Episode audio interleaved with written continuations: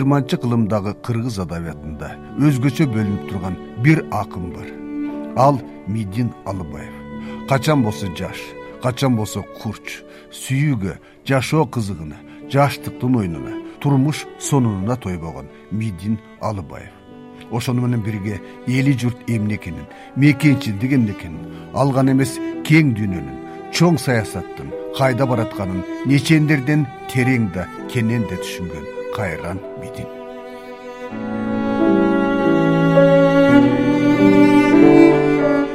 эмне үчүн кыргыз адабиятында мидин эч кимге окшошпогон инсан деп айтып келебиз? Кыска жооп табуу кыйын болсо да бир нерсени баса белгилей кетели.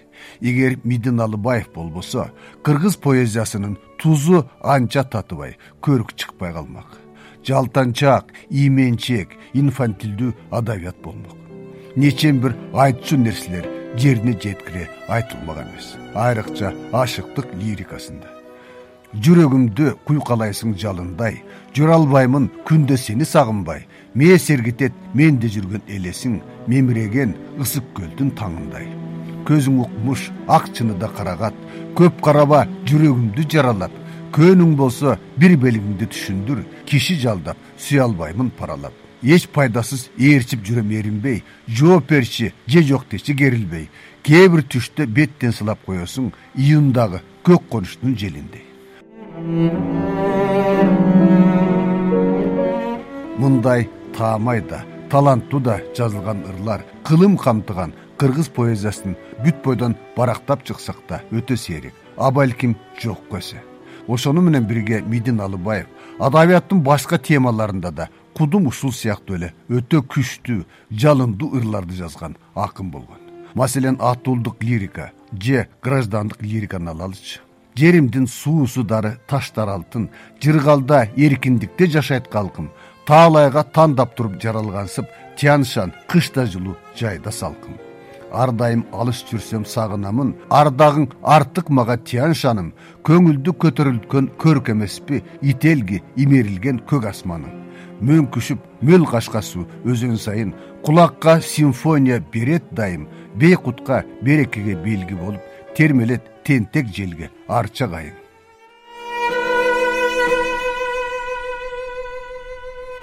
баса ата мекен темасы дегенде эле дароо алыкул осмоновду эстей кеткен адатыбыз бар. А мидинчи ашса ашат бирок эч бир кем эмес.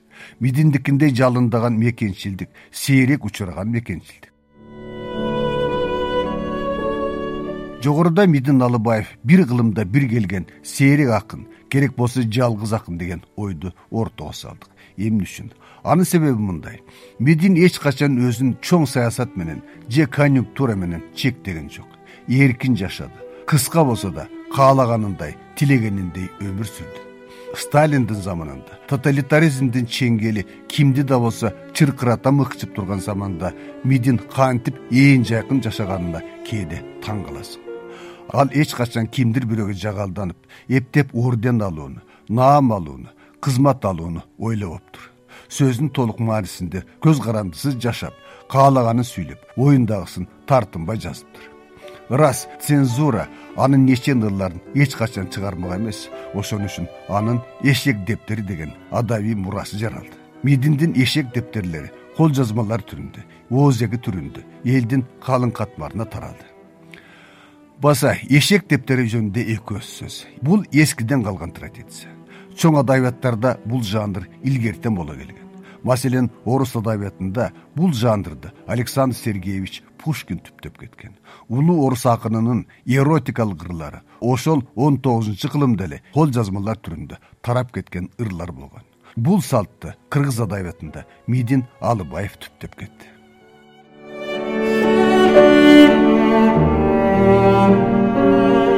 мидин алыбаев тууралуу сүйлөп жатып алыкул осмоновду да эскере кеткеним кокусунан айтылган сөз эмес урматтуу угарман кыргыз адабиятындагы ушул эки залкар инсанды бириктирип да турган алыстатып да турган бир нече маселе бар. Анын бири алыкул көзү тирүү кезинде басмага чыккан мидин алыбаевдин маанисиз махабат деген макаласы бул макалага алыкул осмонов кандай реакция кылганы тууралуу бизде эч бир маалымат жок. Бирок мидиндин макаласын мен тарыхый мааниси бар макала деп эсептээр элем сөздүн тоготерин айтсак бул жерде эки чыгармачыл инсан эмес эки чыгармачыл доор кагылышкан.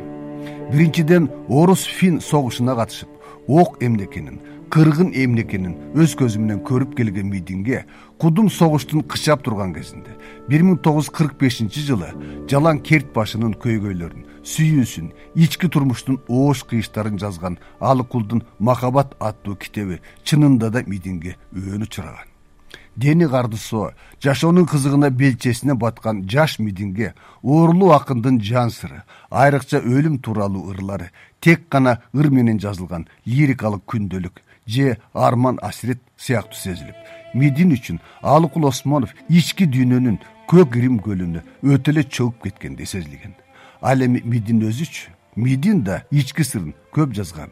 Бирок анын лиризми башкача лиризм эле. Мидиндин лирикасы тирүүлүк майрамынын жашоо кумарынын лирикасы болсо алыкулдун лирикасы өмүр өктөсүнүн жашоонун илме кайыптыгынын өлүм өмүр дилеммасынын ырлары эле. Сүйүүгө медитативдүү мамиле эткен аял затына философтун көзү менен караган алыкул аял сүйдүм бирок иштен кектедим арам ойлоп арамдыктан кетпедим десе ээ жаа бербеген жигитчиликтин энергетикасы менен жашаган мидин жүрөгүмдү куйкалайсың жалындай жүрө албаймын күндө сени сагынбай.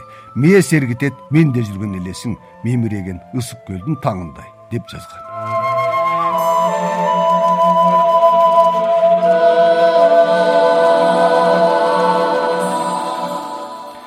Миди менен алыкулду карама каршы коюу болобу? Жок экөө эки башка эстетиканы карманган акындар. Мидиндин эстетикадагы пири эпикур же дионис алыкулдун адабияттагы пири эстетикадагы пири аполлон же афродита. Бири аял затын кыялында дитинде ой пикиринде сүйсө бирок ар дайым шекшисе экинчиси реалдуу турмушта махабатка белчесинен баткан.